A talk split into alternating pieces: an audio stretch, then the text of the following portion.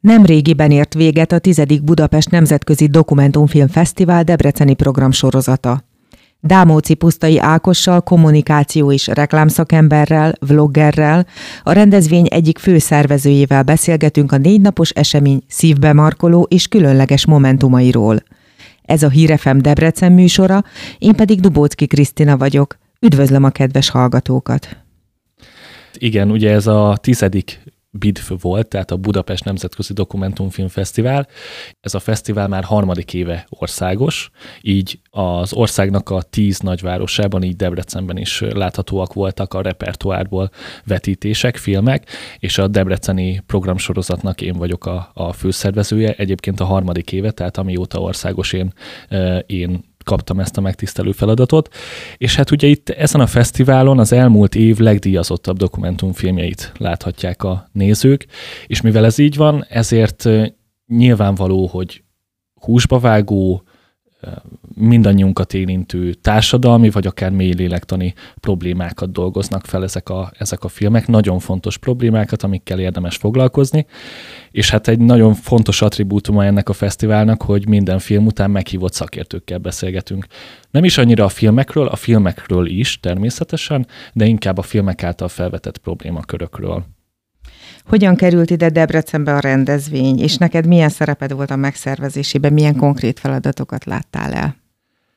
Hát izgalmas volt, amikor engem megtalált ez a, ez a fesztivál szervezés, mert uh, ugye 2021-ben rendeztük meg elsőnek a, a Debrecenben a Bitfet, és nagyon vicces volt, mert ugye akkorra már, ugye het, az volt a hetedik bitf, és addigra már annyira kinőtte magát a, a fesztivál, hogy Budapestnek a határain túl ö, nyúlt, és úgy döntöttek, hogy akkor legyen országos ez a dolog. És minden nagyvárosban, ugye tíz nagyvárosban ö, van most már bitf, és ö, mindenhol kerestek egy embert. Na most ö, ez, a, ez a keresés ez addig elnyúlt, hogy ö, itt Debrecenben engem hát egy másfél héttel a fesztivál kezdete előtt találtak meg, hogy hát lenne másfél hét múlva egy, egy nemzetközi filmfesztivál, amit meg kéne rendezni, egyenlőre még semmi sincs kész, nincs a mozival semmi sem leegyeztetve, nincsen közönség, nincsen promóció, nincsen sajtóérdeklődés, nincsen semmilyen szervezés, úgyhogy hát hajrá, és akkor hát mondtam, hogy oké, okay, hát akkor, el, akkor elvállalom, miért ne? Ha már ilyen nagy a kihívás, akkor... Abszolút, abszolút, ráadásul még utána még jött egy még egy kihívás, mert hogy a fesztivál előtt pár nappal elkaptam a Covidot, uh és rengeteget dolgoztam rajta, de pont a fesztiválon nem tudtam ott lenni. Úgyhogy, úgyhogy ez egy még, a, még az ág is húzta azt a, a, azt a az fesztivált. Első Igen, az elsőt. Nem is volt egyébként, hogy mondjam, a mozinak a leglátogatottabb eseménye, sőt, szerintem a top 5-ben sincs benne, viszont harmadik éve rendezem ezt a fesztivált, és nagyon jó látni főszervezőként, hogy évről évre nő a fesztivál látogatottsága, a fesztivál volumene, a sajtó érdeklődés. Az látszik, hogy van igény erre a fesztiválra, van igény nagyon jó, magas szintű dokumentumfilmekre, komoly témákra, olyan témákra, amikről egyébként, és én ezért gondolom, hogy ez a fesztivál hiánypótló, mert nincs még egy ilyen esemény, ahol ennyire sűrítetten, egy pár napon belül ennyire sok aktuális, a bőrünkön érezhető komoly témákról tudunk, társadalmi kérdésekről tudunk szakértői véleménnyel a mélyére ásni ezeknek a kérdéseknek, és akár beszélgetni, gondolkodni erről közösen, mert ugye a BIT-nek ez is egy ilyen, hogy is mondjam, vállalása, hogy, hogy a közönséget is bevonjuk ezekbe a beszélgetésekbe, illetve, illetve a filmeknek akár az értékelésébe. E, ebben az évben például volt diák zsűrink, ugye Budapesten több film is megy, különböző kategóriákban, és különböző kategóriákban ezek a filmek versenyeztetve is vannak. Viszont itt Debrecenben, meg az összes vidéki nagyvárosban szemlézve vannak ezek a filmek, tehát itt nem beszélhetünk versenyről, viszont ebben az évben először volt egy diák zsűring, akik választottak egy filmet, számukra abszolút szubjektíve a legjobban tetsző filmet pontozták, és az alapján hirdettünk egy győztest, amit egyébként Budapesten az alkotóknak át is adtak. És én ezt azért éreztem egyébként fontosnak, nem a verseny miatt, és nem azért, mert hogy most hirdessünk repertoárból egyetlen egy győztest, aki a legjobb volt. Igazából ennek az volt inkább az üzenete, hogy szerintem ezekben a kérdésekben nagyon fontos kikérni a fiatalok véleményét. Én szerintem nem, nem sokszor fordul elő, hogy, hogy igazán fiatal középiskolás diákok voltak egyébként ezekbe a, ebbe a diáksűribe.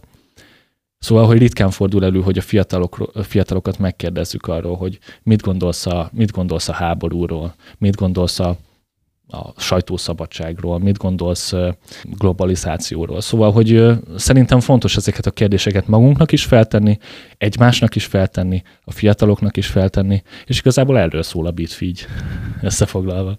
Igen, és a fiatal közönség általában nem is a dokumentumfilmek iránt érdeklődik, legalábbis van egy ilyen sztereotípia, hogy a fiatalokat inkább az akciófilmek és a többi érdekli, de akkor ezek szerint itt ez a teória megdőlt azért ezt kiegészíteném, szerintem nem csak a fiatalokat érdekli jobban az akciófilm, meg, a, meg a, alapból a játékfilmek. Szerintem soha nem lesz népszerűbb egy dokumentumfilm, mint egy játékfilm. Ennek rengeteg oka van, de nem is arra fele haladunk, hogy valamibe igazán elmélyedjünk, mert azért a mostani mediális környezet az inkább arra nevel minket, hogy a minél nagyobb inger irányába, minél, minél gyorsabban, minél több inger irányába menjünk, és hogyha egy filmben már nem történik az első tíz percben valami, nem is tudom, lézerkardozó macskákat nem látunk, akkor, akkor, akkor át is kapcsolunk, és mondjuk tiktokozunk.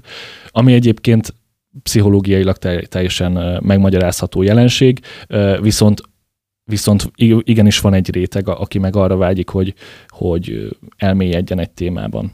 És igazából a Bitfasz ezt, a, ezt az űrt tölti be. Hány filmet vetítettetek ezekben a napokban?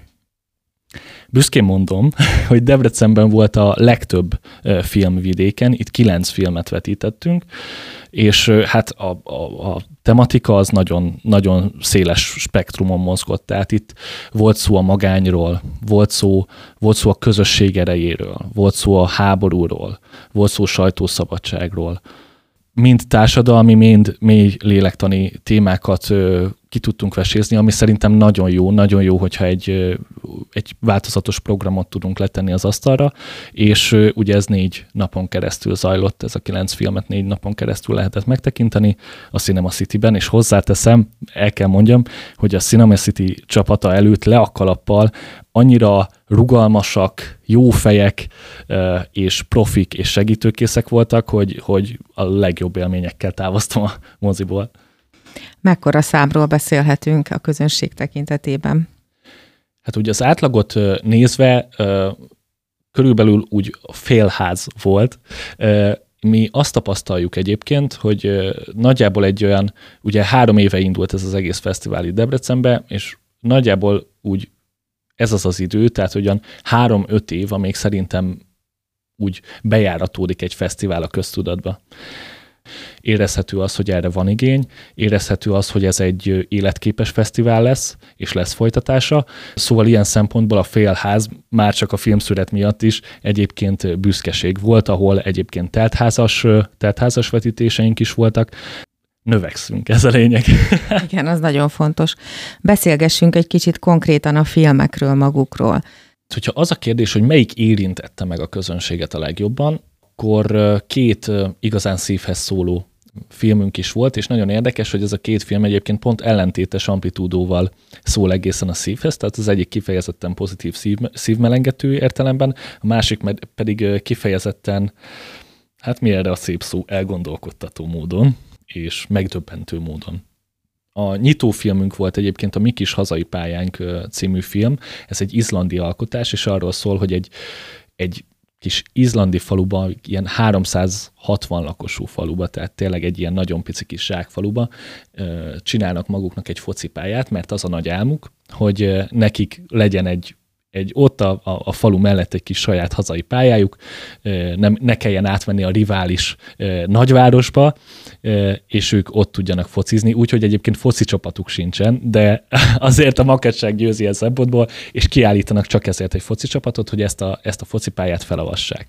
Ez a film természetesen nem annyira a fociról és nem annyira a pályáról szól, mint inkább arról, hogy ez a cél mennyire jó hatással, mennyire összekovácsoló erővel bír ennek a kis falunak a közösségére. Tehát ilyen szempontból ez egy nagyon, nagyon szívmelengető történet, ráadásul van benne egy izgalmi faktor is, hogy ugye vajon nekik sikerül-e azt elérni, hogy fel tudják avatni egy hivatalos, az Izlandi Futballszövetség által dedikált meccsen ezt a pályát. Ugye ehhez az kell, hogy nevezzenek a kupába, és akkor őket kisorsolják hazai pályára valamelyik ellenféllel. Azt is bemutatja a film, hogy ez a meccs hogyan sikerül nekik. Tényleg egy szívmelengető alkotás, és egyébként ezek a filmek meg is tekinthetők most a fesztivál után online jegyvétellel is a, a Blitznek a honlapján. A másik ilyen szívhez szóló történet, vagy szívhez szóló alkotás, az a Manifesto kiáltvány a gyerekekért című film. Ez egy orosz film, de a, az alkotók álnéven ö, alkották meg ezt az alkotást. Azért fogalmazok így, hogy alkották meg, mert ennek a, ennek a filmnek az az érdekessége, hogy egyetlen hozzáforgatott jelenetet sem tartalmaz. Mindent, mindent, amit látunk, azt a, azt a gyerekek vettek fel, ugyanis ez, ez a orosz társadalom és az orosz ö, oktatási rendszer, hát finoman szóval is poroszosságát mutatja be ez a film, ö, és ö, és ugye annyit látunk, hogy a gyerekek vlogolnak. Tehát ez egy, abból a szempontból egy nagyon érdekes filmes megoldás, hogy, hogy ez a nyers vagy a le- lehető legmegkonstruálatlanabb ö, szerkesztési mód, hogy nem tartalmaz plusz hozzáforgatott jelenetet, hanem csak és kizárólag online letöltött diákvlogok, saját magukat felvett ö, telefonos felvételek, szóval, hogy ilyenekből áll a, ilyenekből áll a film, annyira közel hozza a nézőhöz azt a borzalmas valóságot, ami most Oroszországban van, hogy tényleg kirázza az embert a hideg, és hát nem egyszerű film, tehát nagyon nehéz film. És ugye azt tudjuk, hogy Oroszországban most három év alatt négy iskolai lövöldözés is volt, amiről csak amiről tudunk, és hát azok is benne vannak. Tehát, hogy a, azt, is, azt is rögzítették a gyerekek, ott volt a kezükbe a telefon, benyomták a kamerákat, és ezek, ezeket a felvételeket látva azért kaphatunk egy képet az orosz társadalom hogyan termeli ki folyamatosan azt a morált, ami évszázadról évszázadra azt hozza elő ebből a társadalomból, hogy végül is lerohanják a nyugatot időről időre. Aha. Szóval, szóval az erőszak erőszakot szül, uh-huh. ezt a gyerekek szemszögéből nézve igazán megrázó élmény. Tehát megrázó élmény, de fontos erről szerintem beszélni, mert, mert ha megtaláljuk a probléma magját valaminek, akkor az már egy fél siker, azt gondolom. Vannak könnyedebb filmek is, hozzáteszem. Ezt, ezt így, így, igen, egyébként így, ahogy elmondtad, még így is hat. Említetted, hogy a háborúról is vetítettetek dokumentumfilmet. Így van, a Harcban című film volt ez, a, ez az alkotás, ez volt egyébként a záró alkotásunk. Ez egy Oscar-díjra jelölt film egyébként. És nagyon érdekes szemszögből mutatja be a háborút. Ugye tavaly is volt már egy háborús, sőt kettő háborús tematikájú alkotásunk is, illetve egyébként most is a repertoárban, még ha nem is erről szólt a film, azért azt láttuk, hogy felfelüti a fejét a világ minden táján, akár az ukrán-orosz háború, mert nyilván óriási hatása van az egész világra. De ez a film ezt kifejezetten háborús tematikával foglalkozott, és nagyon érdekes szemszögből fogta meg a háborút, mert hogy diplomáciai diplomáciai szemszögből láttuk ezt az egészet. Az ukrán diplomata külügyminiszter szemszögéből, az ő mindennapjaiból. Szóval szerintem ez is egy nagyon érdekes film, és nagyon fontos ez is erről beszélni, hogy egyébként a, a háború nem csak, nem csak a harctéren zajlik, hanem a kommunikációs térben is. Egyébként hozzáteszem, hogy Nyilván már a második világháborúban is láthattunk hasonlókat, hogy a, a propaganda, szóval, hogy tényleg a, a, a, harc, az, a harc az politikai és, és kommunikációs térben, médiatérben is zajlott, de azt láthatjuk a ukrán-orosz háborúval kapcsolatban, hogy azért a modern technológia segítségével ez egyre fajsúlyosabb. Tehát azt azért láthatjuk azt a vonalat, hogy a jövő háborúi ban nagyon sok, egyre több fog múlni majd azon, hogy ki hogyan kommunikál, mennyire hihető az ő narratívája, mennyire tudja megelőzni a másik, e, e, másik ország narratíváját, hogyan tudja a világgal elhitetni, hogy neki van igaza, kinek sikeresebb a propagandája. És szerintem ez egy nagyon érdekes dolog, mert azt szerintem nagyon fontos, hogy egy társadalom minél médiatudatosabb legyen. Például szerintem a magyar társadalom annyira nem médiatudatos, és ennek szerintem megvan a veszélye, hogyha egy ennyire átmediatizált világban, mint a mai, nem tudunk kiigazodni azon, hogy mi igaz, mi nem, minek hihetünk, meg eleve, hogy működik a média világa, akkor, akkor hihetjük azt, hogy mi használjuk a médiumokat, de igazából ők fognak minket használni. Magyar filmet vetítettetek? Nem, a, a budapesti repertoárban volt magyar film. Itt is volt magyar érintettségű film, viszont, viszont magyar készítésű film az, az most itt nem volt. Melyik film nyerte el végül a diák zsűrinek a közönségdíját? A Tökéletes Bizalom című film nyerte el, ami a kínai, kínai kormánynak a megfigyelési rendszeréről szól. Arról szól, hogy a kínai kommunista kormány hogyan használja fel a big datát, illetve a modern technológiát, illetve az AI-t, tehát a mesterséges intelligenciát, a deepfake-et, szóval ezeket a modern eszközöket arra, hogy megfigyeljen embereket, és a szabadságukban korlátozzon embereket. Ez a film hát úgy tudnám talán leírni, hogy az 1984 című regény és a Black Mirror sorozatnak a, a tökéletes valóságban való megjelenését tartalmazza, és nagyon érdekes beszélgetésünk volt utána. Vendégem volt egy Áron nevezetű diák, Debreceni Egyetemen tanuló diák, aki 18 évig Kínában élt, és pontosan tudja, vagy hiteles képet tudott nekünk arról adni, hogy, és direkt megkérdeztem, hogy mennyire valóságos, amit láttunk, és azt mondta, hogy teljes mértékben. Tehát totálisan meg vannak figyelve az emberek. Úgy kell ezt elképzelni, hogy Kínában, hogyha rossz helyen parkolsz, akkor, akkor egy, kaszt, egy, egy pontrendszerbe, a, amit mindenkiről vezetnek, kapsz mínuszpontot. Hogyha nem tudom, közösségi tevékenységet végzel, akkor például pluszpontot kapsz, de például, ha, ha valamilyen fórumon szidod a rendszert, akkor, akkor nagyon-nagyon sok mínuszpontot kapsz, és ezek a pontok arra valóak, hogy bekategorizálják a, a polgárokat, hogy hova járhat a gyereked oviba, milyen hitel lehetőségeket kapsz, hol vásárolhatsz lakást, tehát az életed teljes körülményeire és lehetőségeire hatással van. És ezt olyan megfigyelési rendszerrel teszik, hogy, hogy nem lehet kikerülni. Tehát nem tudsz úgy élni igazából Kínában, hogy ne figyeljenek meg. Érdekes, érdekes volt nagyon, amit elmondtál, meg félelmetes is tulajdonképpen. Csak a beszélgetést megemlítettem. Arra az a Bitfnek egy másik nagyon fontos attribútuma, ugye, amit mondtam, hogy a filmek után meghívott szakértőkkel beszélgetünk, és el kell, hogy mondjam, hogy Debrecenben fantasztikus agyak jönnek mindig a filmek után beszélgetni, tehát itt volt pszichológus, volt biogazda, volt gyermekvédelmi szakember, volt, volt vlogger, publicista, szóval, hogy tényleg nagyon érdekes, egyetemi tanárok, szóval, hogy tényleg nagyon érdekes beszélgetéseket hallhat az ember, és nagyon fontos szerintem, hogy látunk egy, látunk egy filmet, és nyilván kapunk egy, kap, kapunk egy narrációt egy, egyfajta problémakörről, de nagyon fontos, hogy szerintem ezt, ezt a problémakört minél több szemszögből és minél több irányból megvilágítsuk.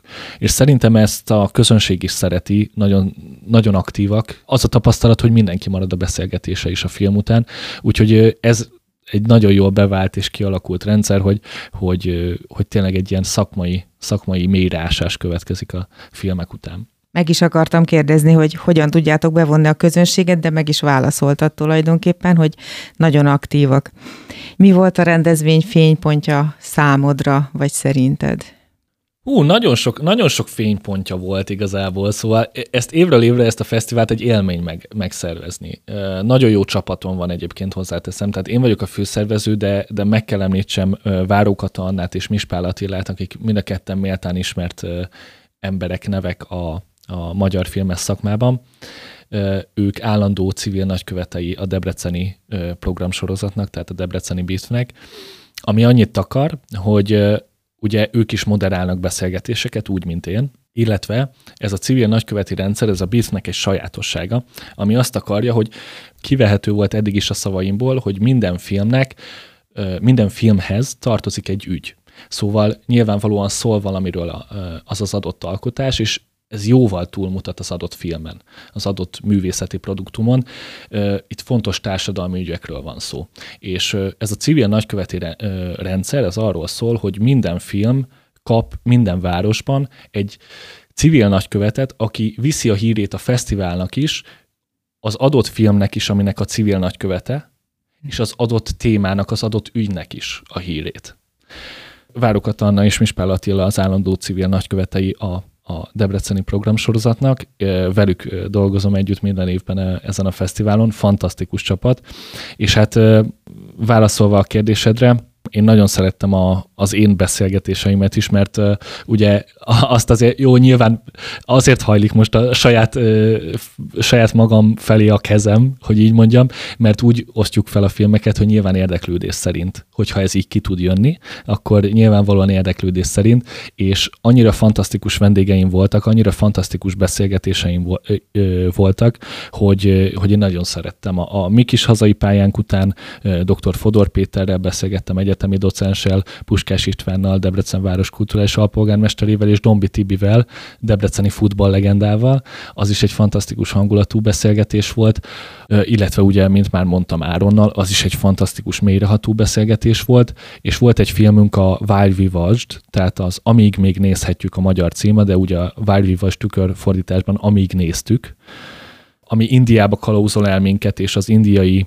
sajtóviszonyokat mutatja be, illetve a, a média viszonyokat, a sajtószabadság kérdését megpendíti, a pártokhoz köthető média viszonyok kérdéskörét veszi gorcső alá, ott pedig Zeke László, dr. Zeke László országos hírű ügyvéd volt a, volt a vendégem. Fantasztikus beszélgetések voltak, de ugyanúgy Attila és Kata beszélgetései is például bűnügyi, elme szakértővel beszélgetett például Attila a Manifesto, a már említett orosz film után, a, és egy gyermekvédelmi szakemberrel.